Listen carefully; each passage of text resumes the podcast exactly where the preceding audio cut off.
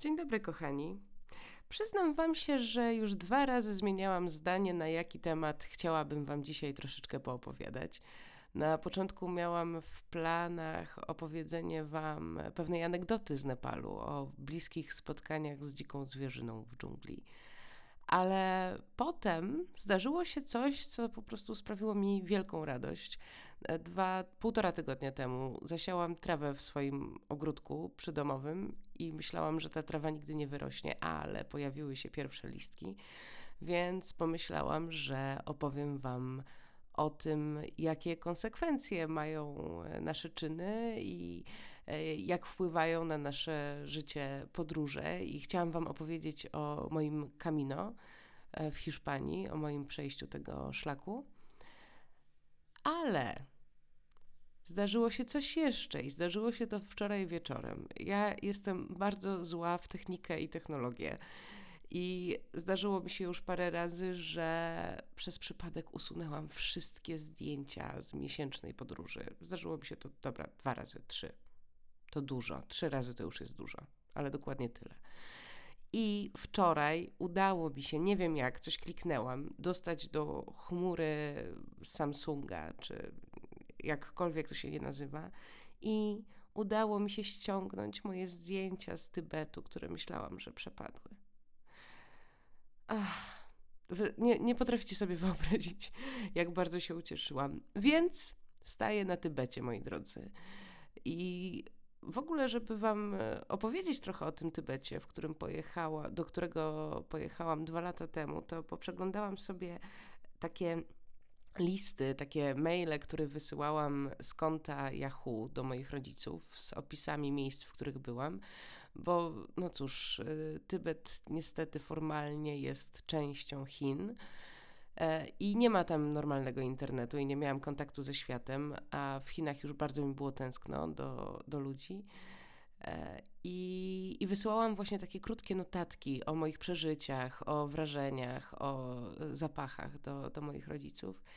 I przyznam Wam szczerze, że jak przeglądałam te zdjęcia i te notatki wczoraj i dzisiaj rano, to no nie wiem, wzruszyłam się trochę, bo Tybet jest po prostu przepięknym miejscem zupełnie innym niż się spodziewałam, że będzie, kiedy tam jechałam. Chciałam tam pojechać pierwszy raz, kiedy byłam w Nepalu jeszcze dwa lata wcześniej. E, ale w Nepalu byłam 30 dni, 31, no na tyle, ile, na ile mi pozwalała wiza i stwierdziłam, dobra, Nepal jest malutkim krajem, ale nie będę z niego wyjeżdżać, po prostu wykorzystam do cna te 30 dni. Okazało się później, później, że bardzo dobrze zrobiłam. E, Nepal jest moim ulubionym chyba miejscem na ziemi i zdecydowanie jeszcze tam kiedyś wrócę. I potem, jak dwa lata później właśnie jechałam do Chin, to pomyślałam sobie, ok, z Chin też można się dostać do, do Tybetu, e, to spróbuję. Tak się okazało, że miałam jakieś zaskórniaki, które musiałam wygrzebać, bo niestety wjazd do Tybetu tani nie jest. I to jest wina przede wszystkim, no cóż, no, no Chin, no inaczej tego się nie da powiedzieć. Chodzi o to, że w ogóle cała historia Tybetu jest bardzo burzliwa.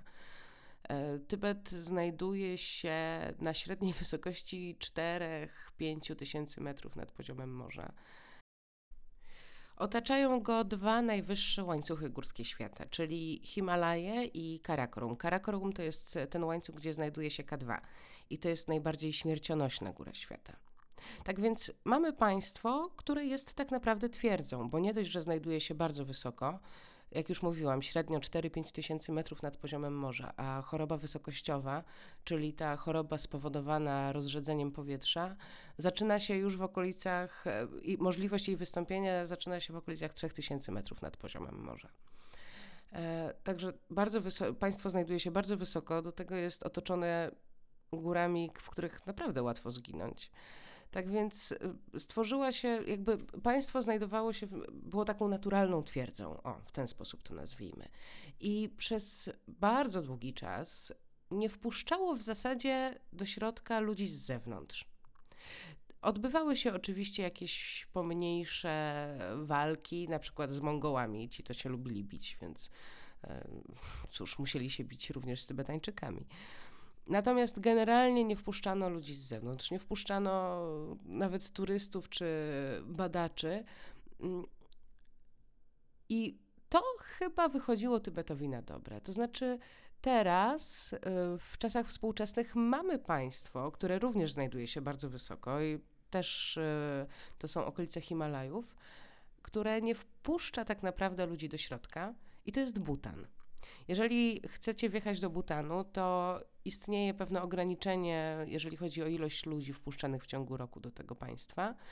I jeżeli chcecie tam pojechać, to za dzień musicie zapłacić 250 dolarów. Więc jak się możecie domyślać, zdecydowanie to e, obcina ilość ludzi, którzy wjeżdżają do tego państwa. I cóż, Butańczycy są e, uważani i oni również uważają siebie za najszczęśliwszych ludzi świata. Mówi się o Butanie, że to jest państwo szczęśliwości. Jest jeszcze jedna rzecz, która łączy Tybetańczyków i e, Butańczyków, to znaczy ich wiara. Zdecydowana większość z nich, nie chcę mówić, że wszyscy, e, to buddyści. I tak, ja wiem, że generalnie wszystkie religie dążą do tego, żeby ludzie byli dobrzy i żeby w ogóle na świecie było dobrze, ale buddyści po prostu nie wtrącają się w cudze życia. I to sprawia, że oni są po prostu bardzo pokojowo nastawieni. Bardzo. Oczywiście wśród y, jakby wszystkich wyznawców różnych wiar można znaleźć różnych ludzi. Jestem pewna, że znajdą się i buddyści, których też byśmy nie mogli nazwać dobrymi ludźmi. Ale na potrzeby odcinka i y, pewnych założeń pozwolę sobie jednak mimo wszystko trochę generalizować. Tak więc e, mamy Tybet, który przez wiele lat był e, państwem zamkniętym ale graniczy on niestety z Chinami, a Chiny w pewnym momencie zaczęły sobie rościć prawa do tego terytorium. A w 1949 na czele Chin stanął niejaki Mao Zedong, który, jak już wiemy z historii, no, nie certolił się za bardzo. W 50 roku chińska armia, no ona się nazywała wyzwoleńcza, weszła do Tybetu. Nazywała się wyzwoleńcza, ponieważ Chińczycy uważali, że oni wkraczają do Tybetu po to, żeby e, nie pozwolić imperialistycznemu Zachodowi e, obezwładnić Tybetańczyków i ich skrzywdzić. No, skończyło się to tak, że bardzo wielu Tybetańczyków zostało zabitych przez samych Chińczyków. E, jako że to są czasy, to są czasy Mao, a jak Mao to komunizm, a jak komunizm to oczywiście nie religia. A e, Tybet był państwem zdecydowanie religijnym. Głową Tybetu był i jest zresztą dalej, tylko teraz na wygnaniu Dalaj Lama. E, Dalaj Lama w roku 59 musiał uciekać z Tybetu i uciekał przez Himalaje, przez część, która się nazywa Mustang i do dzisiaj nie wrócił do swojej ojczyzny. Co więcej, w Tybecie Tybetańczycy mają zakaz noszenia przy sobie zdjęcia wizerunku Dalaj Lamy, no bo szczerze mówiąc nie wiem, co ich za to czeka, ale to jest przerażające. Bo, aha, bo jest jeszcze jedna taka ważna rzecz. Tybetańczycy uważają, że Dalaj Lama jest inkarnacją bóstwa. I jakby każdy kolejny Dalaj Lama to jest tak naprawdę to samo bóstwo. W związku z czym, no, możecie się domyślać, że to jest po prostu bardzo, bardzo, bardzo ważna osoba dla tych osób. No, nie wiem, co mogę powiedzieć. Ale bardzo chciałam pojechać do tego miejsca, mimo wszystko. Um, no dobra, to przepraszam, ale po prostu e, przypomina mi się cały czas, jak tam byłam i jak rozmawiałam z tymi ludźmi. Słyszeć o tym, że ludzie czegoś doświadczają, a zobaczyć to, to są dwie różne rzeczy. No i tyle. No dobrze, więc stwierdziłam, że pojadę do Tybetu. E, I jak już mówiłam, dostać się tam nie jest łatwo, jak już jakby zrobiłam przedługi wstęp, nie jest tam się łatwo dostać e, właśnie z tych wszystkich historycznych powodów.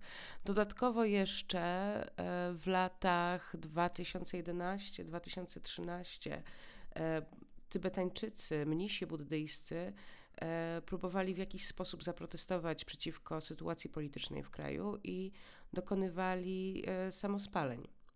Pierwszym roku zginęło 90 protestujących osób e, właśnie w ten sposób. No a że Chiny prowadzą taką narrację, że wszystko jest świetnie i wszystko jest wspaniale, to nie chciały wpuszczać ludzi z zewnątrz, żeby, broń Boże, się o tym ci ludzie z zewnątrz nie dowiedzieli. I żeby jakoś ograniczyć e, to, ale żeby to, y, te, te wjazdy ludzi z zewnątrz, ale żeby to nie wyglądało tak, że próbujemy coś ukryć, e, to wydały taki nakaz. To znaczy, możesz wjechać, drogi człowieku, o ile oczywiście nie jesteś na przykład e, dziennikarzem, tylko musisz pojechać z przewodnikiem. A to jest przewodnik, który musi być zatwierdzony przez nas.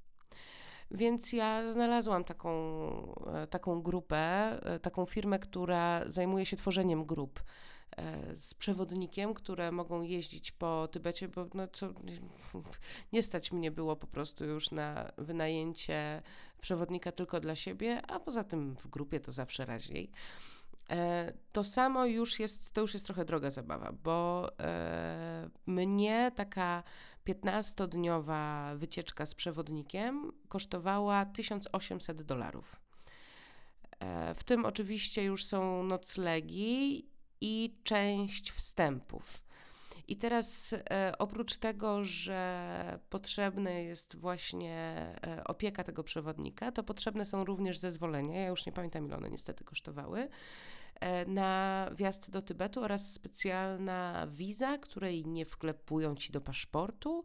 I teraz, kiedy idziesz się ubiegać o wizę do Chin, to nie możesz powiedzieć, że chcesz wjechać do Tybetu, bo nie pozwolą ci wjechać do Chin. Ale żeby dostać e, jakby to pozwolenie na wjazd do Tybetu, musisz mieć już wizę do Chin, więc jest jakby załatwianie tych formalności wcale nie jest takie trudne, ale jest to zdecydowanie upierdliwie dezorientujące. Ale na szczęście udało mi się pozałatwiać wszystkie papiery i po drugim tygodniu bodaj w Chinach udałam się do Syczuanu, do Chengdu. To jest stolica prowincji. Syczuan kiedyś historycznie również był, e, no, był Tybetem po prostu, natomiast teraz to jest po prostu jedna z prowincji Chin. E, z Syczuanu miałam złapać pociąg do Lasy. Lasa to jest e, stolica Tybetu, która znajduje się na wysokości ponad 3000 metrów nad poziomem morza. I w lasie miałam spędzić e, pierwsze dwa, chyba czy trzy dni e, tej wycieczki, e, po prostu, żeby się zaaklimatyzować i żeby w jakiś sposób przyzwyczaić się do tej wysokości, na jakiej miałam się znajdować. W pociąg miałam wsiąść sama i dopiero w lasie miał mnie odebrać ktoś z firmy, zakwaterować mnie w hotelu i tam miałam się spotkać z przewodnikiem. Przyznam szczerze, że cieszyłam się na ten hotel, bo kiedy jeżdżę, z reguły śpię w dosyć tanich miejscach. E, w Chinach starałam się również to robić, zwłaszcza, że wydałam bardzo dużo pieniędzy na to, żeby w ogóle wjechać do Tybetu. E, I spałam w naprawdę już obskurnych e, hostelach i nawet zdarzyło mi się spać w tak zwanym love hotelu, czyli w niczym innym jak w hotelu, który wynajmuje się na godziny po to, żeby uprawiać seks. I trochę cieszyłam się na tę odrobinę luksusu. Jedyne co, to to, to wiedziałam, bo chciałam jak najbardziej obciąć koszty i wiedziałam, że mam być z kimś w pokoju. E... O tym opowiem Wam za chwilę, bo to dosyć zabawne. Także, więc wsiadłam w pociąg. Pociąg, który miał jechać jedyne, uwaga, uwaga, 42 godziny. E, I nie miałam miejsca leżącego. Potem, jak się okazało, niektórzy nie mieli nawet miejsca siedzącego. Byłam jedyną białą osobą e, w tym pociągu, w związku z czym byłam wielką atrakcją turystyczną dla ludzi, którzy e, tym pociągiem podróżowali. Nawet jedna pani wstała, wyciągnęła telefon i pokazała mi na nim jakąś kobietę, która również była biała i miała blond włosy, tak jak ja, i na migi pokazała mi: Patrz, wyglądacie dokładnie tak samo. Nie, nie wyglądałyśmy. Ona była jakąś gwiazdą filmową, a ja. Hmm. No cóż, powiedzmy, że mam radiową urodę. E, tak więc, jak się możecie domyśleć, w pociągu było dosyć wesoło, ale było bardzo męcząco. Bardzo męcząco po pierwsze dlatego, że siedzi się na kanapie i ta kanapa mieści trzy osoby, ale to są trzy osoby, które mają wielkość Chińczyka. Ja na szczęście nie jestem zbyt duża, ale zakładam, że gdyby na tej kanapie miały siedzieć trzy osoby europejskich rozmiarów, no to już byłby problem. E, do tego, z racji tego, że nie wszyscy mają e, miejsce siedzące, dookoła wszędzie siedzą ludzie na jakichś wiadrach, workach z ziemniakami itd., tak itd. Do tego, w związku z czym, że jedziemy do Tybetu, e, to jest to jeden z najtańszych wagonów, więc nie załapałam się na coś takiego jak wagon restauracyjny. Niestety. Do tego e, w pewnym momencie wyłączyli ogrzewanie, a zaczęliśmy już wjeżdżać dosyć wysoko. E, a, i nie powiedziałam o tych siedzeniach. Oprócz tego, że mieści się tam dokładnie, znaczy normalnie dwie osoby, a tam trzy albo cztery, żeby się ścisnąć, żeby więcej osób mogło usiąść, to one mają, są wyprofilowane na idealne 90 stopni. To znaczy, one wyglądają jak takie krzesło, które rysuje dziecko w podstawówce. To jest arcyniewygodne. A, bo jest zrobione z drewna, jest po prostu taką zwykłą ławką, jak, jak w parku, tylko że mniej wygodną ja w pewnym momencie już po prostu kompletnie nie dawałam rady. E, plecak specjalnie nie pozwoliłam sobie na to, żeby ludzie mi pomogli wsadzić go na górę, tylko trzymałam go między nogami po to, żeby po prostu móc położyć na nim głowę. Ale w pewnym, w pewnym momencie po prostu się poddałam i zauważyłam, że pod siedzeniami jest jakieś 40-50 centymetrów, e, jakby pomiędzy tą ławką, na której się siedzi, a podłogą. Więc wymyśliłam, że ja się tam wcisnę i że po prostu będę tam spać. I nawet mi się to udało e, i jestem bardzo szczęśliwa, że wpadłam na ten pomysł, bo udało mi się zasnąć. Niestety, Chińczycy mają taki przykry zwyczaj plucia na podłogę. I to pozostawię już bez komentarza. Mhm. E, a, jest jeszcze jedna sprawa, która tam się działa w tym przemiłym pociągu. Mianowicie, pamiętacie, mówiłam, do Tybetu za bardzo wjeżdżać nie można. Więc e, państwo konduktorstwo za bardzo nie mogło uwierzyć, że ja mogę siedzieć w tym pociągu, więc na każdym przystanku, na jakim stawaliśmy, e, po prostu zabierali policję i ta policja mnie legitymowała, legitymowała praktycznie na każdym przystanku. Pamiętajmy o tym, że ja nie mówię po chińsku, oni nie mówią po angielsku. Ja nie czytam po chińsku, a oni nie czytają po angielsku, więc haha, była zabawa. Ale to jest element przygody. Ja teraz mówię o tym tak, jakby to było niewygodne, bo to było niewygodne, ale szczerze mówiąc, cieszę się, że dokładnie takie było. W pewnym momencie zaczęliśmy tym pociągiem wjeżdżać już e, na Wyżynę Tybetańską i wtedy wszystko się zmienia. To znaczy, Chiny to jest ciągły tłok, szum, smród. No, po prostu wielkie azjatyckie miasto, które jest wielkości kraju. Od czasu do czasu są przerwy, ale wszędzie są jakieś industrialne zabudowania, fabryki itd., tak itd. Tak A tam jest po prostu przestrzeń. Ja zobaczyłam w końcu przestrzeń. Ja, się, ja po prostu poczułam, że nareszcie oddycham, tylko dlatego, że nie wiem, czy już wjechaliśmy do Tybetu, czy nie, bo tego nikt mi nie powiedział, ale wiedziałam, że to już jest ten moment. I pamiętam, że jak zobaczyłam pierwsze pasące się jaki, czyli takie krowy, które to są takie krowy wysokogórskie, które są pokrytą, pokryte taką sierścią, wełną, o, wełną. No tak, bo dokładnie jaki e, właśnie z powodu tej wełny się hoduje oraz z powodu mleka jaka, e, z którego tam robi się sery, masło, herbatę. O nich na pewno jeszcze będę opowiadać, bo to dosyć ważne. I pamiętam, że jak zobaczyłam te pierwsze jaki i jeszcze nie góry, bo to jeszcze była wyżyna tybetańska, uff, jak mi się dobrze zrobiło. No i dojechałam do lasy. I już, już cieszyłam się na samą myśl o prysznicu, o położeniu się w białej pościeli, w tym hotelu, a nie hostelu, o zjedzeniu czegoś pysznego w rodzaju momos. To są takie małe pierożki, bardzo dobre. Ale oczywiście nie mogło być tak łatwo i zanim w ogóle odebrał mnie ktoś e, z tego dworca, to najpierw złapała mnie policja i zaprowadziła na posterunek, który wygodnie był akurat idealnie obok dworca, więc zakładam, że to jest normalna, standardowa procedura. Na tym posterunku spędziłam, spędziłam trzy godziny. Nie mam pojęcia, co się na nim wydarzyło. E, wzięli ode mnie dokumenty, coś do mnie mówili. Chyba chcieli, żebym im odpowiedziała, ale nie mam pojęcia, jak mogłabym to zrobić. Więc e, po trzech godzinach mnie po prostu wypuścili. E, I po tych trzech godzinach odebrał mnie młody chłopak, młody Tybetańczyk, który oczywiście zapytał po angielsku. Jezu, jakie to było miłe usłyszeć angielski po jakimś czasie. E, co zajęło mi tak długo? No, powiedziałam, że spędziłam urocze trzy godziny na posterunku policji i na szczęście nie musiałam mówić nic już więcej. Chłopak założył mi chatę na szyję. To jest taki długi, biały, ala jedwabny szalik, e, który jest dosyć ważną częścią w kulturze buddyjskiej. E, on jest biały, ponieważ ma to symbolizować czystość intencji. I e, buddyści ofiarowują na dobrą podróż, na przywitanie dla gospodarza, e, w, w jakiejś intencji przy świątyni, przy gąpie. No, jakby służy do wszystkiego. I najczęściej jest tak, że oni mają tych szalików całkiem sporo i one się tak po prostu wymieniają. Jeden dostaną, drugi oddadzą i tak dalej, i tak dalej ale jest to, uważam, bardzo, bardzo miła i bardzo przyjemna tradycja, bo to takie naoczne okazanie, że życzę Ci jak najlepiej, cieszę się, że jesteś.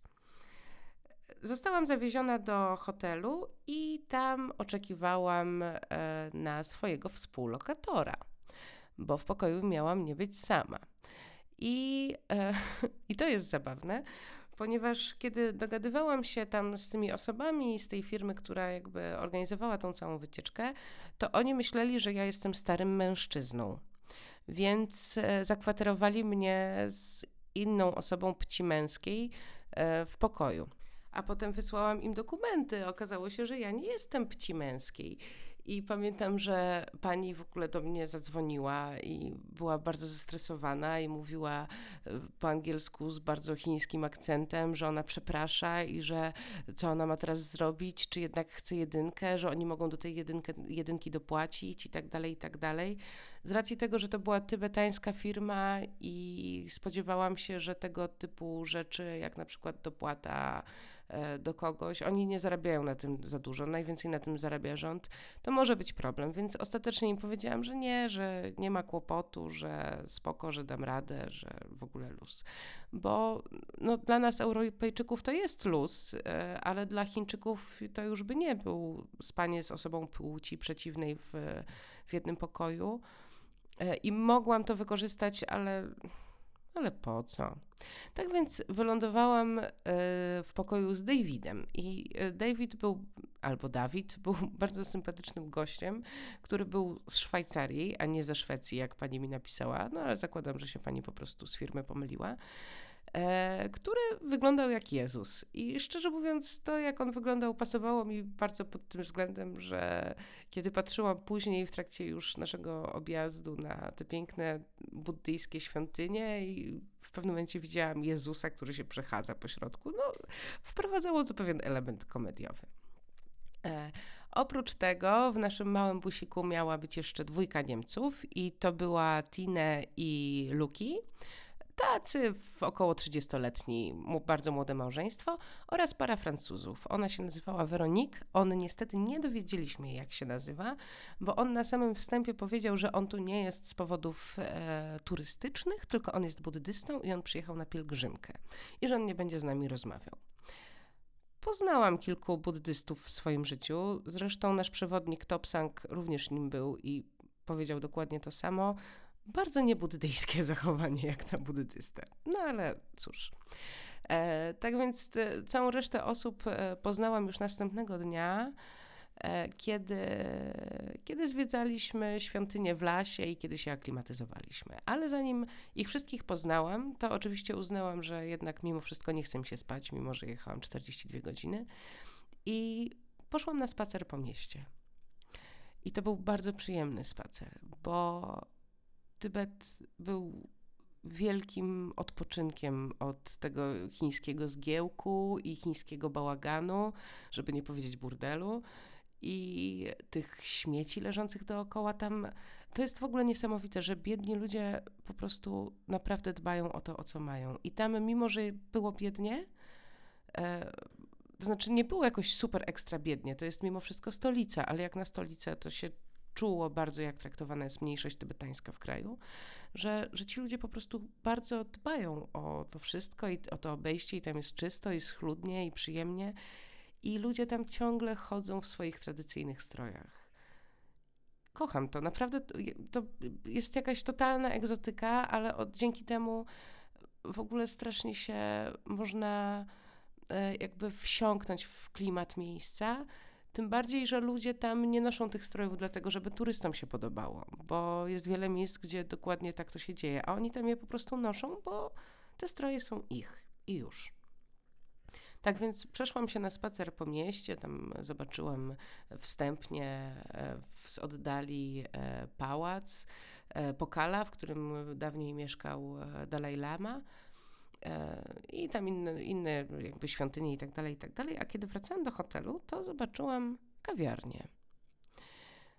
I to, co zwróciło moją uwagę, to właśnie kawa. To znaczy, od bardzo dawna nie piłam kawy i weszłam tam do. A, jeszcze był szyld po angielsku, więc myślę sobie, jest szansa, napiję się normalnej, pysznej kawy z ekspresu. Więc weszłam tam do środka, zapytałam się, czy jest kawa, i pan odpowiedział mi po angielsku. Wcześniej byłam w Chinach. W Chinach nikt nie mówi po angielsku. Pan odpowiedział mi po angielsku pięknie i zrozumiale, że tak, kawa jest i czego się napije, czy latte, czy cappuccino. No ja byłam po prostu w siódmym niebie, więc usiadłam sobie na tarasiku. E, on przyniósł mi tę kawę, zapłaciłam za nią po prostu jakieś gigantyczne pieniądze, ale nieważne, to był mój mały luksusik. I e, pan, jak się później okazało, właściciel kawiarni postanowił się do mnie przysiąść. I na początku prowadziliśmy taki mały small talk, a skąd jesteś, skąd przyjechałaś, który to dzień w Tybecie, a spodoba ci się, a spróbuj tego, a zobaczysz to i tak dalej, i tak dalej. A potem, e, jak już się polubiliśmy troszeczkę bardziej, to on powiedział: chodź do środka. Bo siedziałam na tarasie, było fajne, rześkie powietrze. Mówię, nie, tu jest tak przyjemnie. Mówi, chodź do środka, pogadamy. No i weszliśmy do środka i okazało się, że on mnie do środka zaprosił dlatego, że zauważył pewnego chińskiego turystę z aparatem, który stał w tym samym miejscu i mał, miał po prostu obiektyw długości nogi. I e, właściciel tej kawiarni mi powiedział, że to jest bardzo częste, że fotografuje się Tybetańczyków z ludźmi, którzy rozmawiają z ludźmi z zachodu. E, I to są po prostu ludzie, którzy donoszą, a wyglądają tylko jak turyści, i że on po prostu nie czuł się swobodnie tam, tak jak rozmawialiśmy. To mnie bardzo uderzyło. Zapytałam się od razu, czy jakby tutaj u niego jest ok. On powiedział, że tak, że jak najbardziej. I no, zaczęłam go podpytywać. I opowiedział mi swoją historię w bardzo dużym skrócie, też nie chciałam dopytywać za bardzo. I opowiedział mi o tym, jak miał 5 e, lat, to jego rodzina e, pomogła mu uciec z Tybetu.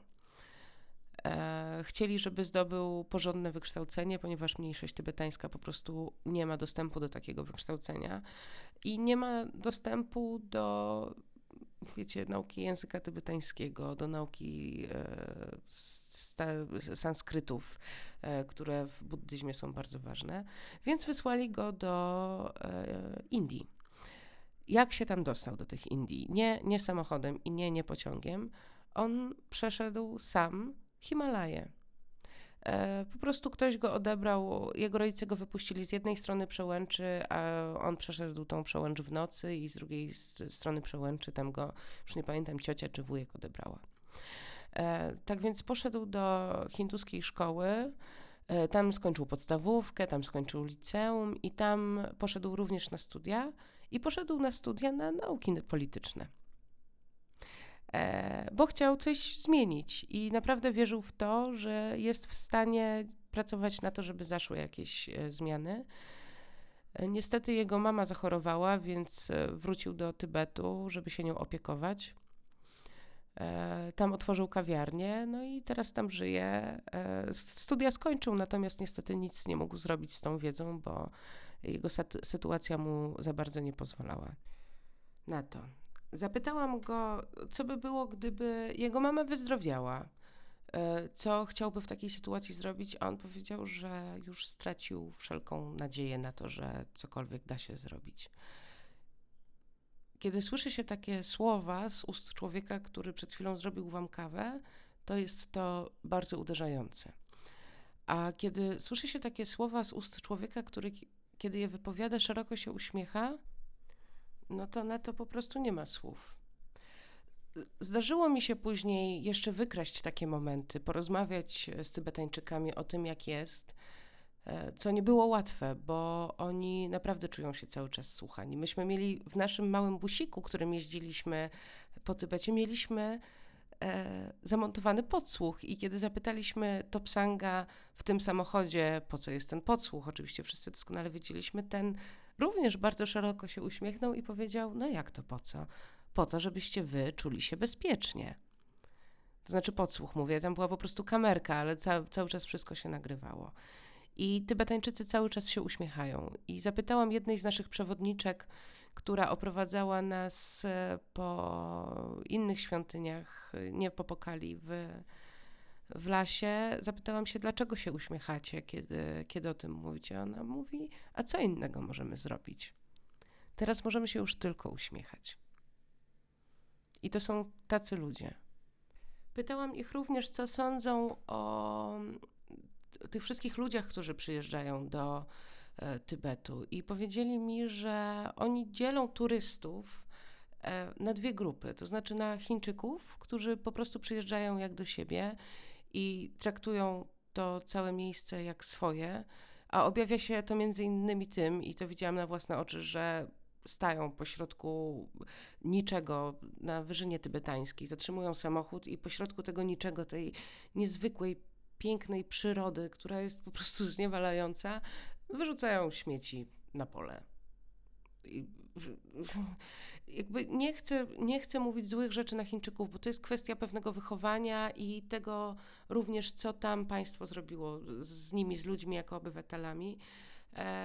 No ale wiecie o co chodzi. No i e, jakby ta druga grupa, czyli my, czyli nie Chińczycy, którzy e, przyjeżdżamy tam i cieszą się właśnie na takich ludzi, którzy przyjeżdżają i pytają, bo oni czują, że w ten sposób świat w jakikolwiek sposób dowiaduje się o tym, co tam dzieje się na miejscu. Bo oni są medialnie, oni są kompletnie odcięci od świata niesamowite. W ogóle nie, my nie potrafimy się postawić w takiej sytuacji. My, którzy mamy non-stop dostęp do Instagrama, Google'a, Facebooka, do wszystkiego. Oni mają WeChata i chińskie Google i, i co? I nie wiedzą, czy świat wie o tym, jak oni są tam traktowani. Patrzę na zegarek i widzę, że pora już kończyć, bo nie chcę, żebyście byli po pierwsze skazani na mnie na, przez dłużej niż 35 minut non-stop. Eee, a zdążyłam Wam opowiedzieć tylko plus minus o sytuacji społeczno-politycznej w Tybecie. Więc całą resztę opowieści, czyli pałace, w których mieszkał Dalaj Lama, e, e, miasteczka, które zatrzymały się w średniowieczu, e, pielgrzymkę dookoła góry Kailash, Mount Everest, to zostawiam właśnie na ten drugi odcinek, więc do usłyszenia w przyszłym tygodniu.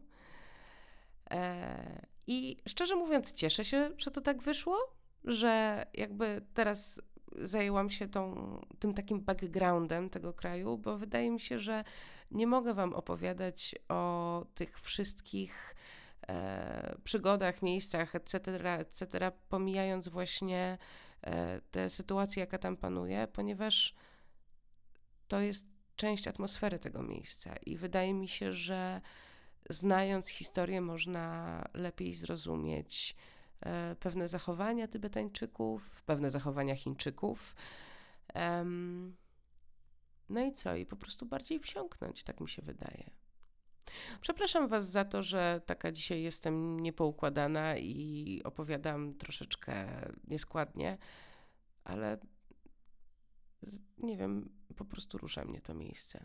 I nie pamiętam, czy już to mówiłam, czy nie. Dobra, to najlepszy znak, że już pora kończyć. Także mówiła dla Was Olga. To był piąty odcinek podcastu Swoją drogą 15 dni w Tybecie. Część pierwsza, jak się okazuje. Do usłyszenia. I trzymajcie się, kochani.